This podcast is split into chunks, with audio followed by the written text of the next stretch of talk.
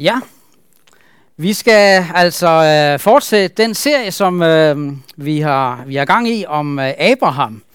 Øh, første gang der så vi på det med, at Gud han holder sine løfter. Han gav Abraham nogle øh, store løfter, og øh, øh, sluttede også en pagt med Abraham. Sidste gang øh, var overskriften Gud ser, hvor vi så på, hvordan øh, tingene gik ret skævt, da øh, Abraham og Sara de valgte ligesom at og, øh, ville have Guds løfter til at gå i opfyldelse på deres egen måde. Og øh, i aften, der skal det så handle om, øh, om latter. Gud skaber latter, det er, er overskriften. Øh, og jeg ved ikke, øh, hvornår du sidst har prøvet det her med at le sådan en rigtig hjertelig latter, der gør godt helt ind i, i sjælen. Øh, det kan være utrolig dejligt og livsbekræftende at le sammen med andre. Uh, det tror jeg, vi alle sammen kender til, men det, det, det er ikke bare dejligt og livsbekræftende. Jeg tror også, at latter på mange måder er en uh, nødvendighed for os som mennesker, for at vi kan leve. Vi har brug for latter i livet. Uh, vi har brug for at kunne le. Og derfor så, uh, så er det egentlig også så trist, uh, når et menneske ligesom mister lysten til at le.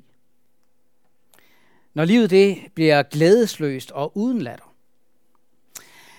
Eller øh, når den eneste latter, der ligesom er tilbage, det er sådan en, øh, en uægte, bitter form for latter. Øh, fordi der findes faktisk forskellige former for latter. Det tror jeg godt, vi alle sammen ved, hvis vi, vi tænker lidt over det. Der findes både den, den sådan lidt uægte, bitre og sarkastiske latter. Og så findes der den ægte, hjertelige, glædesfyldte latter. Og øh, den ægte latter, den øh, kan opleves allermest velgørende, når det ligesom er en forvandlet latter. Altså en bitter latter, der er forvandlet til en ægte, glædesfyldt latter. En befriet og forløst latter, kan man sige. Lidt ligesom når man, øh, når man lærer, når man lige har grædt. Det er næsten det allerbedste. I aften der, der skal det altså handle om, om latter. Og det er ikke fordi, jeg har holdt så mange bibeltimer om, om det før, men, men øh, det skal simpelthen handle om, hvordan Gud skaber latter. Øh, skaber en forvandlet og forløst latter. Vi skal se på øh, fortællingen om, øh, om Isaks fødsel, Abrahams søn Isaks fødsel. Øh, og hele historien om, øh, om Isaks fødsel er faktisk en historie om latter. Øh, selve navnet Isak betyder, han lærer. Øh, og latter er faktisk også det gennemgående tema, der ligesom løber som en, en rød tråd igennem fortællingen. Og hvis vi begynder med at, at læse tre øh, tekstafsnit her. Øh, de første to, de handler om, øh, om Gud, der giver løftet om Isaks fødsel til henholdsvis Abraham og Sara. Og så det tredje afsnit, det handler så om selve Isaks fødsel. Og vi skal prøve at læse de tre afsnit, og øh, så skal vi prøve ligesom at lægge mærke til, det håber I er med på, prøve at, at lægge mærke til, hvordan latter, det er det gennemgående tema. Øh, og de tre afsnit, de står her først fra 1. Mosebog 17, vers øh, 15 til 21, der står sådan. Gud sagde til Abraham, din kone Sarai skal ikke længere hedde Sarai, hendes navn skal være Sara. Jeg vil velsigne hende, og jeg vil give dig en søn med hende. Jeg vil velsigne hende, og hun skal blive til folkeslag. Ja, folk, folkekonger skal nedstamme fra hende. Der kastede Abraham sig ned og lå, mens han tænkte, må en 100-årig kan blive far, og må en Sara, som er 90 år, kan få børn. Og Abraham sagde til Gud, måtte Ismael leve for dit ansigt. Men Gud sagde, nej, din kone Sara skal føde dig en søn, og så give ham navnet Isak. Med ham vil jeg oprette min pagt, som en evig pagt for hans efterkommere. Men med hensyn til Ismael bønhører jeg dig. Jeg vil velsigne ham og gøre ham uhyre frugtbar og talrig. 12 høvdinge skal han blive far til, og jeg vil gøre ham til et stort folk. Med min pagt opretter jeg med Isak, som Sara skal føde dig næste år ved denne tid. Så springer vi ned til kapitel 18, hvor vi skal læse vers 1-15. En gang viste Herren sig ved Mammers ege fra Abraham, mens han sad i teltåbningen på den varmeste tid af dagen. Han så op og fik øje på tre mænd, som stod der, og da han så dem, løb han dem i møde fra teltåbningen og kastede sig til jorden for dem. Han sagde, Herre, hvis jeg har fundet noget for dine øjne, så gå ikke din tjener forbi. Lad mig hente lidt vand, så I kan få vasket støv, støvet af jeres fødder og hvile ud under træet. Så kommer jeg med lidt mad, så I kan styrke jer, nu da jeres vej falder forbi mig, jeres tjener. Bagefter kan I drage videre. De svarede, gør blot som du siger. Abraham skyndte sig ind i teltet til Sara og sagde, tag hurtigt tre sæger fin mel, eld det og bag brød. Selv løb Abraham, Abraham ud til kvædet og tog en god og fin kald. Den gav han til Karlen, som skyndte sig at tilberede den. Derpå tog han tykmælk og mælk og den kald, som var blevet tilberedt, og satte det for dem. Selv stod han hos dem, mens de sad og spiste under træet. Så spurgte de ham, hvor er Sara, din kone? Abraham svarede, hun er inde i, inde i teltet. Da sagde han, næste år ved denne tid kommer jeg tilbage til dig, og så har din kone Sara en søn. Sara stod og lyttede i teltåbningen bag ham. Nu var Abraham og Sara gamle, højt oppe i årene, og Sara havde det ikke længere på kvinders vis. Sara lå ved sig selv og tænkte, skulle jeg virkelig føle begær, efter at jeg er blevet affældig, og min, og min herre er blevet gammel? Men herren sagde til Abraham, hvorfor lærer Sara og tænker, skulle jeg virkelig få børn nu, da jeg er blevet gammel? Intet er umuligt for herren. Næste år ved denne tid kommer jeg tilbage til dig, og så har Sara en søn. Men Sara løj. Jeg lå ikke, sagde hun, for hun var bange. Men han svarede, jo, du lå. Og så bladrer vi lige over til kapitel 21, vers 1-7. Herren tog sig af Sara, sådan som han havde sagt, og det han havde lovet, gjorde han for hende. Sara blev gravid, og hun fødte Abraham en søn i hans alderdom, ved den tid Gud havde sagt til ham.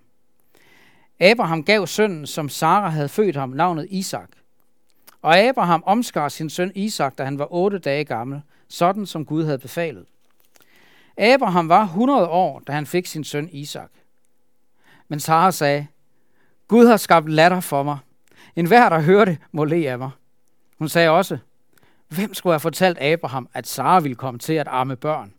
Og nu har jeg født ham en søn i hans alderdom. Ja, øh, som sagt, det håber I lader mærke til. Det gennemgående tema her i fortællingen om Isaks fødsel, det er jo, det er jo latter. Øh, først, er det, øh, først er det Abraham, der lærer, ikke? Da Gud giver ham løftet om, at, øh, at han vil give ham en søn med hans kone Sara, der har Abraham nærmest ved at falde om af grin. Øh, og det kan man jo egentlig godt forstå. Abraham er på det tidspunkt blevet 99 år. Uh, og han var 75 år, da Gud første gang gav ham løftet om en, en søn og om at bringe velsignelse til alle, velsignelse til alle jordens folkeslag gennem Abrahams afkom. Og uh, som vi hørte om uh, sidste gang, de er, er der var med der, da, da Abraham han var 86 år, så havde han efter Saras forslag, da han fået Ismail sammen med Hagar, trælkvinden. Men det var ikke det.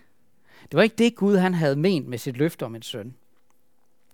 Nu gør Gud det så helt klart for Abraham, at det er med Sara, at han vil give ham en søn. Jeg vil velsigne hende, og jeg vil give dig en søn med hende, siger han. Og hvordan reagerer Abraham så? Jo, Abraham han kan simpelthen ikke lade være med at le. Der kastede Abraham sig ned og lå, mens han tænkte, må en 100-årig kan blive far, og må Sara, som er 90 år, kan få børn. Tanken er simpelthen så utænkelig, øh, så latterlig, at Abraham nærmest opfatter det som en spøg, eller en joke, Gud kommer med. Altså, at Gud kan vel umuligt mene det seriøst. Vi skal jo huske på, at det havde aldrig været muligt, fysisk muligt, for Sara at blive gravid. Og nu var Abraham er ved at være 100 år, og Sara 90, der virkede det helt umuligt. Faktisk grænserne til det komiske, ikke også? Det virkede simpelthen selv for ham, vi kalder troens far, der virkede det mere grinagtigt end troværdigt. Så Abraham han siger til Gud, måtte Ismael leve for dit ansigt. Lad os nu være realistiske, ikke Gud? Men Gud siger, nej, din kone Sara skal føde dig en søn, og du skal give ham navnet Isak. Og navnet Isak betyder altså, han lærer. Med ham vil jeg oprette min pagt som en evig pagt for hans efterkommere. Min pagt opretter jeg med Isak, som Sara skal føde dig næste år ved denne tid. Så i det første tekstafsnit her, der er det altså Abraham, der lærer. I de to øh, andre, de to næste, som vi læste, der er det Sara, der lærer. Og det er mest det, som vi skal fokusere på i aften. Først så hører vi et det andet tekstafsnit øh, i kapitel 18 om, hvordan Sara lærer, da hun står og lytter i, øh, i teltåbningen og hører Guds løfte. Hvor der står, Sara lå ved sig selv og tænkte, skulle jeg virkelig føle begær, efter jeg er blevet affældig, og min herre er blevet gammel? Som jeg vil komme tilbage til, så, øh, så tror jeg, der er en undertone af bitter sarkasme i den latter. Men i det tredje tekstafsnit i kapitel 21, da Isak er født, så lærer Sara igen. Og så er det en forvandlet latter. Der er det en, en glædesfyldt latter. Gud har skabt latter for mig. Altså han har fået mig til at le og glæde. Hvem skulle have fortalt Abraham? Eller enhver, der må høre det, må le af mig. Det kommer jeg tilbage til, fordi det handler måske ikke kun om, at folk vil le af hende, men også le med hende. Hvem skulle have fortalt Abraham, at Sara ville komme til at amme børn, og nu har jeg født ham en søn i hans alderdom? Jeg vil godt først og fremmest fokusere på, øh, på de her sidste to tekstafsnit om, om Saras latter i aften. Og prøv ligesom at fokusere på, hvordan Gud forvandler hendes latter fra en bitter, desillusioneret, sarkastisk latter til en hjertelig, undrende, glad latter. Gud har skabt latter for mig. Han har fået mig til at le. Le af glæde. Han har bragt en, en ny og hjertelig glad latter ind i mit liv. Og det jeg gerne vil ligesom sige med alt, med, med alt det her, det er flere ting. For det første, at, at, at fortællingen her er en meget stærk understregning af, at Gud er så forunderlig og underfuld, at han kan forvandle bitter latter til glædesfyldt latter det, det er det ene plan i teksten, men den, den peger også videre frem på en, øh, kan man sige, endnu mere glædesfyldt latter, som Gud han vil skabe i os. Ved at fortællingen her også peger frem på noget endnu mere forunderligt. Øh, fordi Isaks underfulde fødsel peger i Bibelen frem mod en endnu mere underfuld fødsel.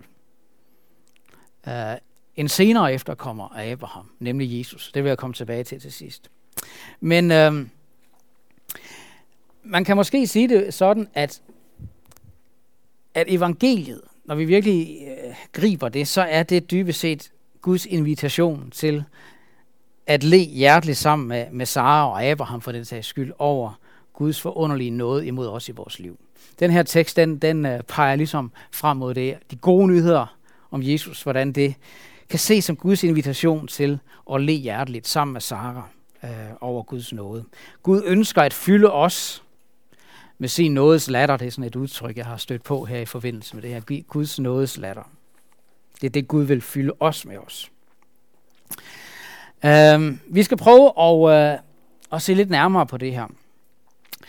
Øh, I kapitel 18, der hører vi det her med om, at kort tid efter, at øh, Gud har givet løftet om, øh, om Isak til Abraham, og øh, Abraham han har, han har fået sig et godt grin over det. Øh, så viser Herren sig altså igen for Abraham, og den her gang også for Sara. Og vi læser den her mærkelige beretning om, at tre mænd kommer til Abrahams telt. Senere over i kapitel 19, der får vi at vide, at det er Herren og to engle. Men hvornår det præcis går op for, for Abraham, det, det står mig ikke helt klart. Øh, tør jeg ikke helt sige. Men hele den her, hele den her scene er faktisk nogle af os, vi, vi kender måske den beretning fra børn, så vi tænker ikke helt, øh, fra vi var børn, så vi tænker måske ikke over dem. Den er egentlig ret bemærkelsesværdig. Den er meget anderledes i forhold til øh, de der andre måder, øh, som Gud åbenbarer sig på i Abrahams liv og i det, hele, i det gamle testamente i det hele taget. Det, det er sådan ret specielt, det her med, at der kommer tre mænd. Øh, men det første Abraham, som en god beduin gør, det er, at han gør sit yderste for at vise dem gæstfrihed. Øh, på den tid, der blev det sådan betragtet nærmest som en hellig pligt at gøre alt, hvad man kunne for at vise rejsende, som øh, kom forbi, virkelig vise dem agtelse og sørge for dem på alle måder, mens de var der. Og det er derfor, at, at Abraham og Sara, de så nærmest står på hovedet, øh, for at, at de kan få vasket deres fødder, de her folk, og, og få et ordentligt måltid mad, ikke også? Og øh, da der er blevet så godt for dem, så sidder de her tre mænd og, og spiser der i, i skyggen under træet. Og Abraham står ude hos dem, mens Sara, hun står og, og lytter til deres samtale i, i teltåbningen, sådan bag dem, sådan lidt i baggrunden. Det er, det er scenen for, for den der samtale, der så øh, udspiller sig. Og det første, jeg godt ligesom vil, vil, vil pege på der, det er, øh, det første, som jeg tror er vigtigt at bemærke, og som der er rigtig mange bibelfortolkere, der også, der også nævner, det er, at grunden til Herrens besøg den dag nok ikke så meget var for Abrahams skyld, som det var for Saras skyld. Øhm, læg mærke til, at øh, de tre mænd, de straks spørger efter Sara. Hvor er Sara, din kone? Og Abraham svarer, hun, hun, er, hun er inde i teltet lige bagved, ikke også? Og så står der, da sagde han, næste år ved denne tid kommer jeg tilbage til dig, og så har din kone Sara en søn. Altså, man, man, man, øh, man fornemmer det her med, at Sara står og, og lytter i teltåbningen bag ham. Og Herren ved naturligvis, at hun lytter, og han vil, at hun skal høre, hvad han siger. Han vil, at hun skal høre det. Og jeg har tænkt på, hvorfor kommer Gud på den her lidt mærkelige måde, og hvorfor spørger han specifikt efter Sara? Hvorfor er det vigtigt for ham, at, at Sara hører hans løfte om en søn?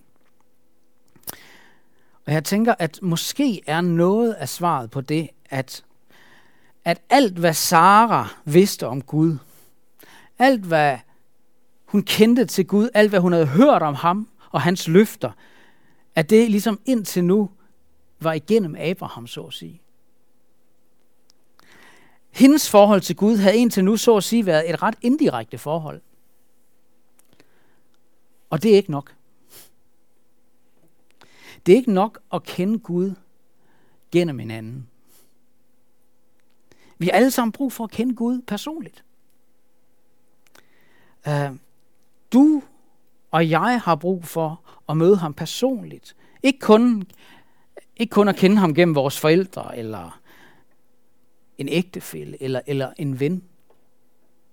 Man kender ham personligt. Og jeg tror egentlig, at det er noget af det samme, der er på spil her. Det er noget af det samme, der er grunden til, at Herren kom på besøg den dag. Han kom for Saras skyld. Det tror jeg. Han kom for at møde hende. Og for at, at hun skulle møde ham. Ikke sådan indirekte, men direkte. Ikke bare på, på afstand eller bag teltduen, men ansigt til ansigt, så at sige. Uh, man kan sige det på den måde, at Sara, hun havde også brug for en personlig erfaring af Gud i sit liv. Et personligt møde med ham. Ligesom du og jeg har det. Som et hvert menneske har det. Og se, selvom Sara måske ikke kendte Gud så godt endnu, så kendte Gud allerede Sara rigtig godt. Og, øh, og det er det andet, jeg, jeg gerne vil pege på, det er, at Herren kom for at forvandle hendes latter. Øh, Sara, hun er helt klar over, at hendes muligheder for at blive mor, de for længst er udtømte. Som der står, hun havde det ikke længere på kvinders vis. Så da hun hører mandens ord her til Abraham, ikke også, næste år ved denne tid kommer jeg tilbage til dig, og så har din kone Sara en søn. Ja, så lærer hun inde i sig selv. Sara lå ved sig selv og tænkte, skulle jeg virkelig føle begær, efter jeg er blevet affældig, og min herre er blevet gammel? Sara lærer. Og hun lærer bare inde i sig selv. Men hvad er det for en latter? Jeg tror ikke, det er nogen hjertelig eller ægte latter. Det er snarere sådan en, en lidt desillusioneret, sarkastisk, bitter, indestænkt latter. Ha! Hendes tankers ord, altså hun, hun tænker det jo bare indvendigt, ikke også? Hendes tankers ord viser det faktisk med al tydelighed, synes jeg. De her ord skulle jeg virkelig føle begær, efter jeg er blevet affældig. Det er ord, der er fyldt med, med bitter sarkasme. Tanken om, at hun i det hele taget igen skulle føle noget seksuelt begær efter sin mand, er fuldstændig latterlig for hende altså, jeg ved ikke. Jeg ved det jo ikke, men sandsynligvis har de ikke haft sex i overvis. Både evnen og lysten har sikkert, sikkert manglet. Så det, at hun igen skulle føle seksuel lyst, det er fuldstændig absurd i hendes ører. Og så det her med, at hun bruger ordet affældig om sig selv. Det viser også, at hun måske ikke har så meget selvværd længere. Hun er sådan lidt udslidt gammel kone. Føler måske ikke, hun er så meget værd længere. Det her, det tror jeg, er en gammel, udslidt kvindes bidre, sarkastiske latter. Men Gud, han var kommet for at forvandle den latter. Fra en bitter til en glædesfyldt latter, en forundret latter. For at skabe en, en, en, en ægte glæde i hende. Og jeg synes, den måde Herren ligesom øh, håndterer hendes latter på, er meget takfuld. Det er ikke sådan noget med, hvad griner, hvad griner du af, dit lille kryb? I stedet så siger han ganske enkelt til Abraham, hvorfor lærer Sara og tænker, skulle jeg virkelig få børn nu, da jeg er blevet gammel? Det er faktisk en meget venlig udlægning af, af Saras sarkastiske latter, må man sige. Og så siger han noget, som på en måde er, er omdrejningspunktet for, for hele teksten. Uh, skal vi se. Han siger, intet er umuligt for Herren. Intet er umuligt for Herren. Uh, på hebraisk, uh, der, er det, der er det måske snarere formuleret som et spørgsmål. Det er der mange oversættelser, der har. Skulle noget være for underfuldt for Herren? Skulle noget være for underfuldt for Herren? Altså, så er der ikke blot tale om, om, om noget er umuligt for Herren, men også om, om noget er for underfuldt. Altså, om noget skulle være forfyldt af under for Gud. Om noget skulle være for forunderligt, og, eller for vid, vidunderligt, så at sige. Og det, at det er formuleret som et spørgsmål, skulle noget være for underfuldt for Herren, det gør også, at det kalder på Saras svar. Det kalder på hendes tillid, hendes tro. Det kalder på, at, at hun skal tænke stort, både om Guds muligheder, hans underfulde magt, og tænke stort om hans godhed, hans underfulde godhed. Skulle noget være for underfuldt for Herren? Og så gentager han løftet. Næste år ved denne tid kommer jeg tilbage til dig, og så har Sara en søn. Øh, jeg tror, det er sandsynligvis her, at det begynder at gå op for Sara, øh, hvem den her mand er. Altså, hun havde jo blot grint inde i sig selv. Hun havde blot tænkt sine lidt sarkastiske tanker. Og alligevel, så ved den her mand om hendes indre latter. Om hendes tanker. Jeg tror, det er nu, det dæmmer for hende, at hun faktisk har et møde med Gud selv. Og hun kommer frem for tilduen. Men hendes første reaktion er faktisk ikke tro. hendes første reaktion er, at hun i frygt for ham, hun står overfor, griber til løgn og benægtelse. Der står nemlig, men Sara løg. Jeg lå ikke, sagde hun for hun var bange. Hun følte sig på en eller anden måde gennemskuet af Herren. Og det var hun. Som vi alle sammen er det. Men det, det vidunderlige ved, ved, ved Bibelens Gud, det er, at, at vi er både gennemskuede og gennemelskede af ham. Som vi er. Det gælder Sara, det gælder dig og mig. Den Gud, der, der kender os helt igennem, ved præcis alt om os. Han elsker os helt igennem. Men i Saras tilfælde, der var hendes første virkelige personlige erfaring af Gud, kan man sige, faktisk forbundet med, med afsløring, med frygt og selvforsvar.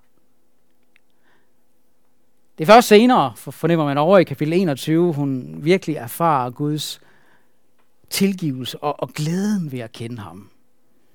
og vide, hvor underfuld han virkelig er. Og øh, igen, så, altså, det tror jeg ikke er så ualmindeligt, det her.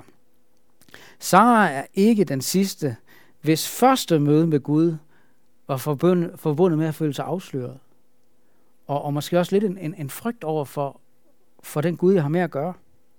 Men, men hvor det senere fører til en erfaring af, af tilgivelse og noget og glæde ved at kende ham.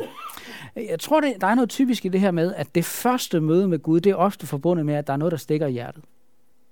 Fordi der er noget, der afsløres i ens liv.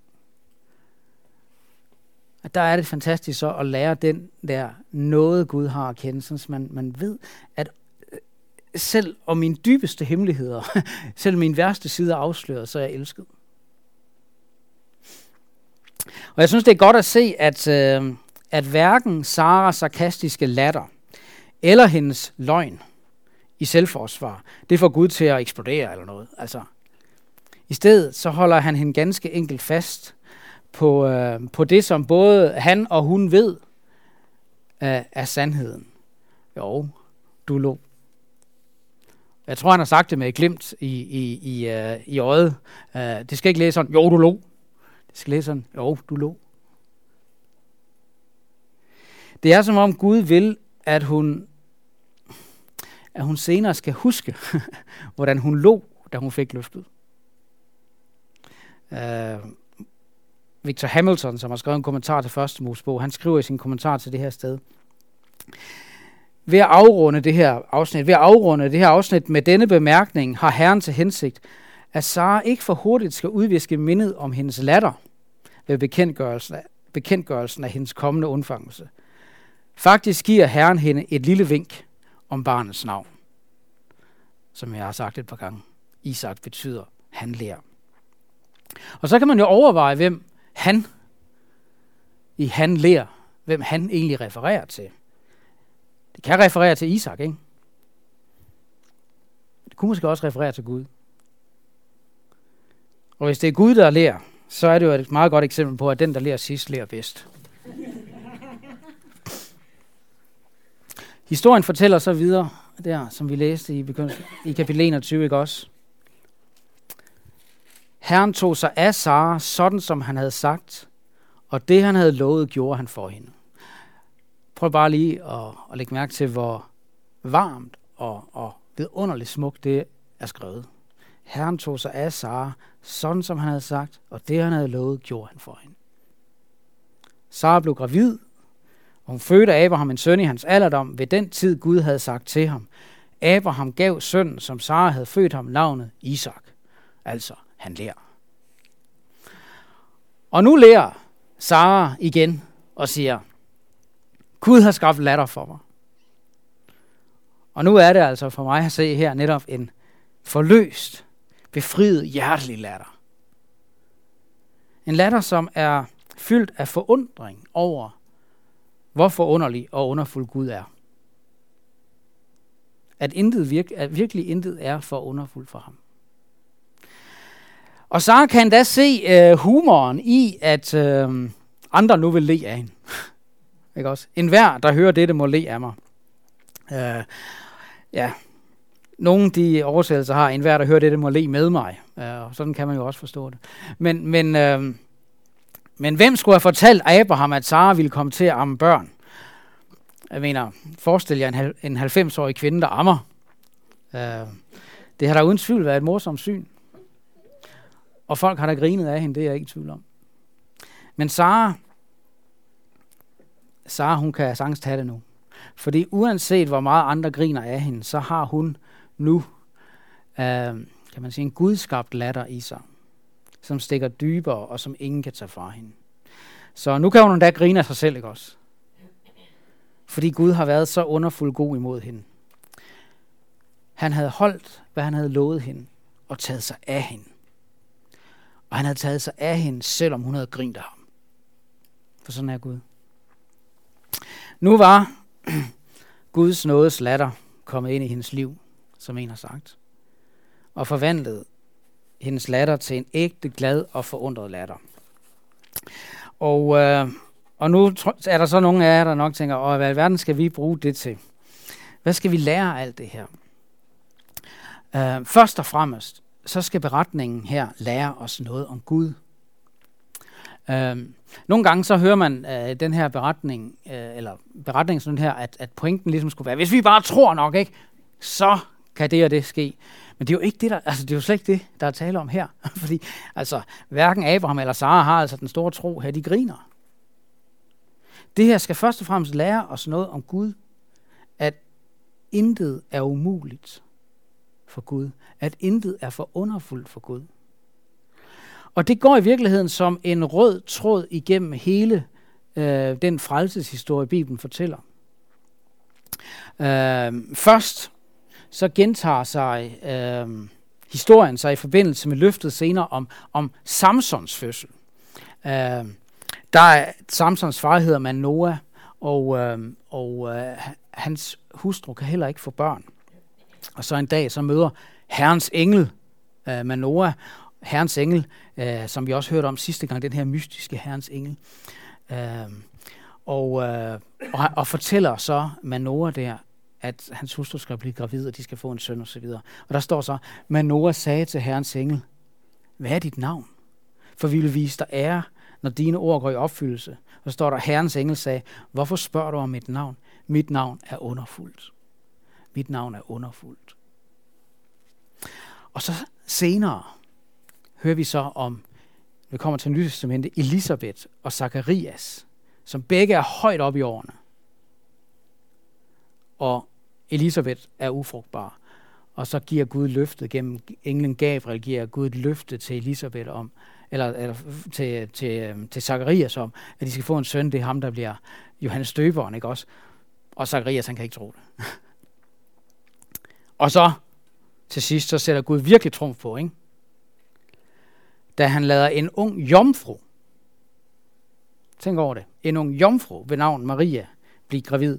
Helt uden at nogen mand overhovedet er involveret i undfangelsen. Og, øh, og vi læser, hvad, hvad, hvad, hvad Gabriel siger, ikke også der står. Der sagde englen til hende, frygt ikke Maria, for du har fundet noget for Gud. Se, du skal blive med barn og føde en søn, og du skal give ham navnet Jesus. Han skal blive stor og kaldes den højeste søn, og Gud Herren skal give ham hans far Davids trone. Han skal være konge over Jakobs hus til evig tid, og der skal ikke være ende på hans rige. Maria sagde til englen, hvordan skal det gå til? Jeg har jo aldrig været sammen med en mand. Og så står der, Englen svarede hende, Helligånden skal komme over dig, og den højeste kraft skal overskygge dig. Derfor skal det barn, der bliver født, også kaldes helligt, Guds søn.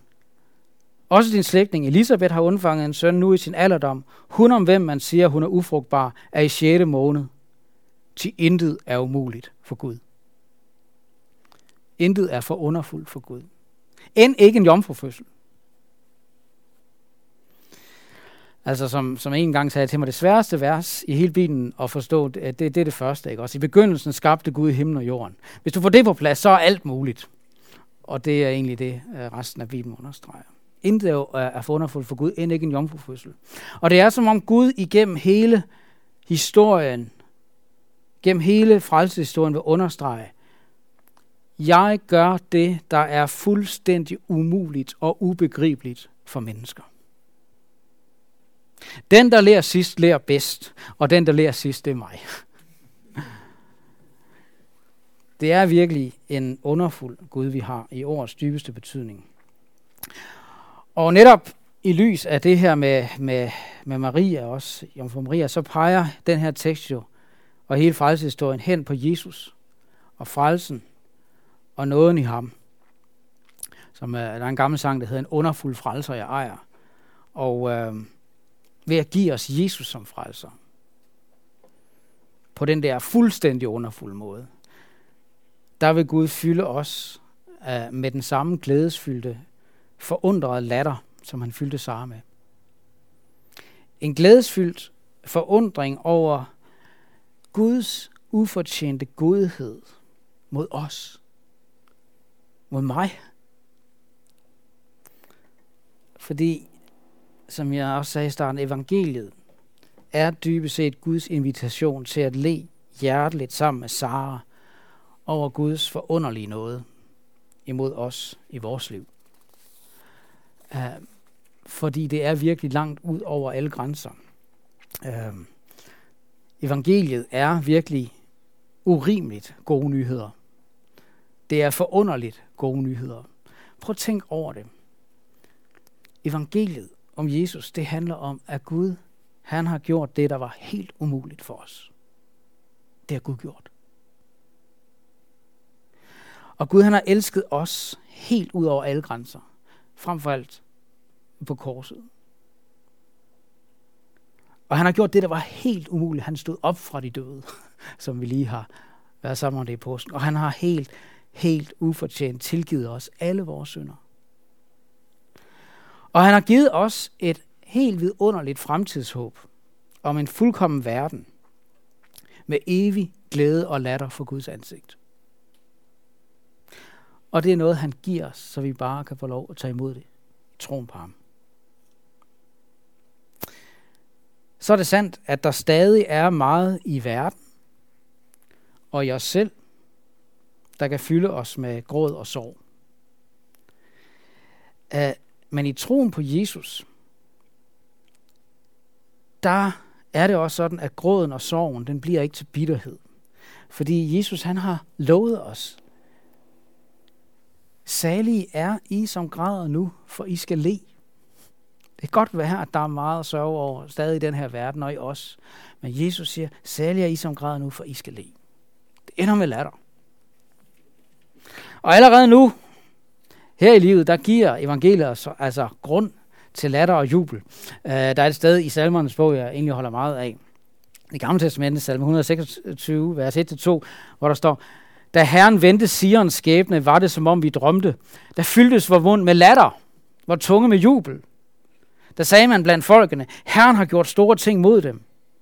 Ja, Herren har gjort store ting mod os, og vi blev glade. Altså, hvis Israels folk kunne sige det i det gamle testament, ikke? også hvor meget mere kan vi så ikke sige det uh, som kristne. Og ikke mindst her, lige efter vi har fejret påske. Ikke? Han har da virkelig vendt vores skæbne fuldstændig. Han har gjort store ting mod os. Og derfor så har en kristen allerede nu grund til at sige, øhm, som der også står i salme, salme 30, vers 12-13, du forvandlede min klage til dans. Du tog min sørgedragt af mig og klædte mig i glæde. Derfor vil jeg lovsynge dig uden ophør, Herre min Gud, for evigt vil jeg takke dig. Jeg forestiller mig, at, at Sara hun har sunget noget i den stil, øh, da Isak er blevet født og har sunget til Gud, du forvandlede min bidre latter til en glad og forundret latter. Og med det her vil jeg jo ikke sige, at en kristen går altid sådan og, og, og bobler over af glæde og latter, fordi sådan har vi det ikke. Men alligevel så er der en, en, en grundtone af glæde i en kristens liv. Selv i sorger, øh, selv når, når livet gør ondt, så er der kommet en, en dyb grundtone af glæde, ja, latter ind i vores liv. Fordi der er et håb i Jesus, som ingen kan tage fra os. Og, og når vi læser en beretning som dem i det gamle testamente, så skal vi altid huske, at den er en del af en lang historie, der kulminerer med Jesus. Og derfor så hænger tingene sammen. Lad os, øh, lad os lige folde hænderne og, og bede en bøn. Gud, vi øh, takker dig, fordi du er en øh, forunderlig Gud, som øh, kan gøre ting, som vi slet ikke fatter. Og, øh, og tak, at du er så vidunderligt god at gøre ting, som er langt bedre, end vi fatter. Øhm, her beder om, at det vi har hørt i aften, det må øh, skabe en, en glæde i dig, glæde over dig og, og, og den frelse, du har givet os, den nåde, du giver os, og det håb, du har givet os. Øh, Jeg beder om, at du vil give os øh, evnen til at le og en, øh, en, en, øh, en evne til at øh, forundre os over, øh, hvor god du er og hvor stor du er. Amen.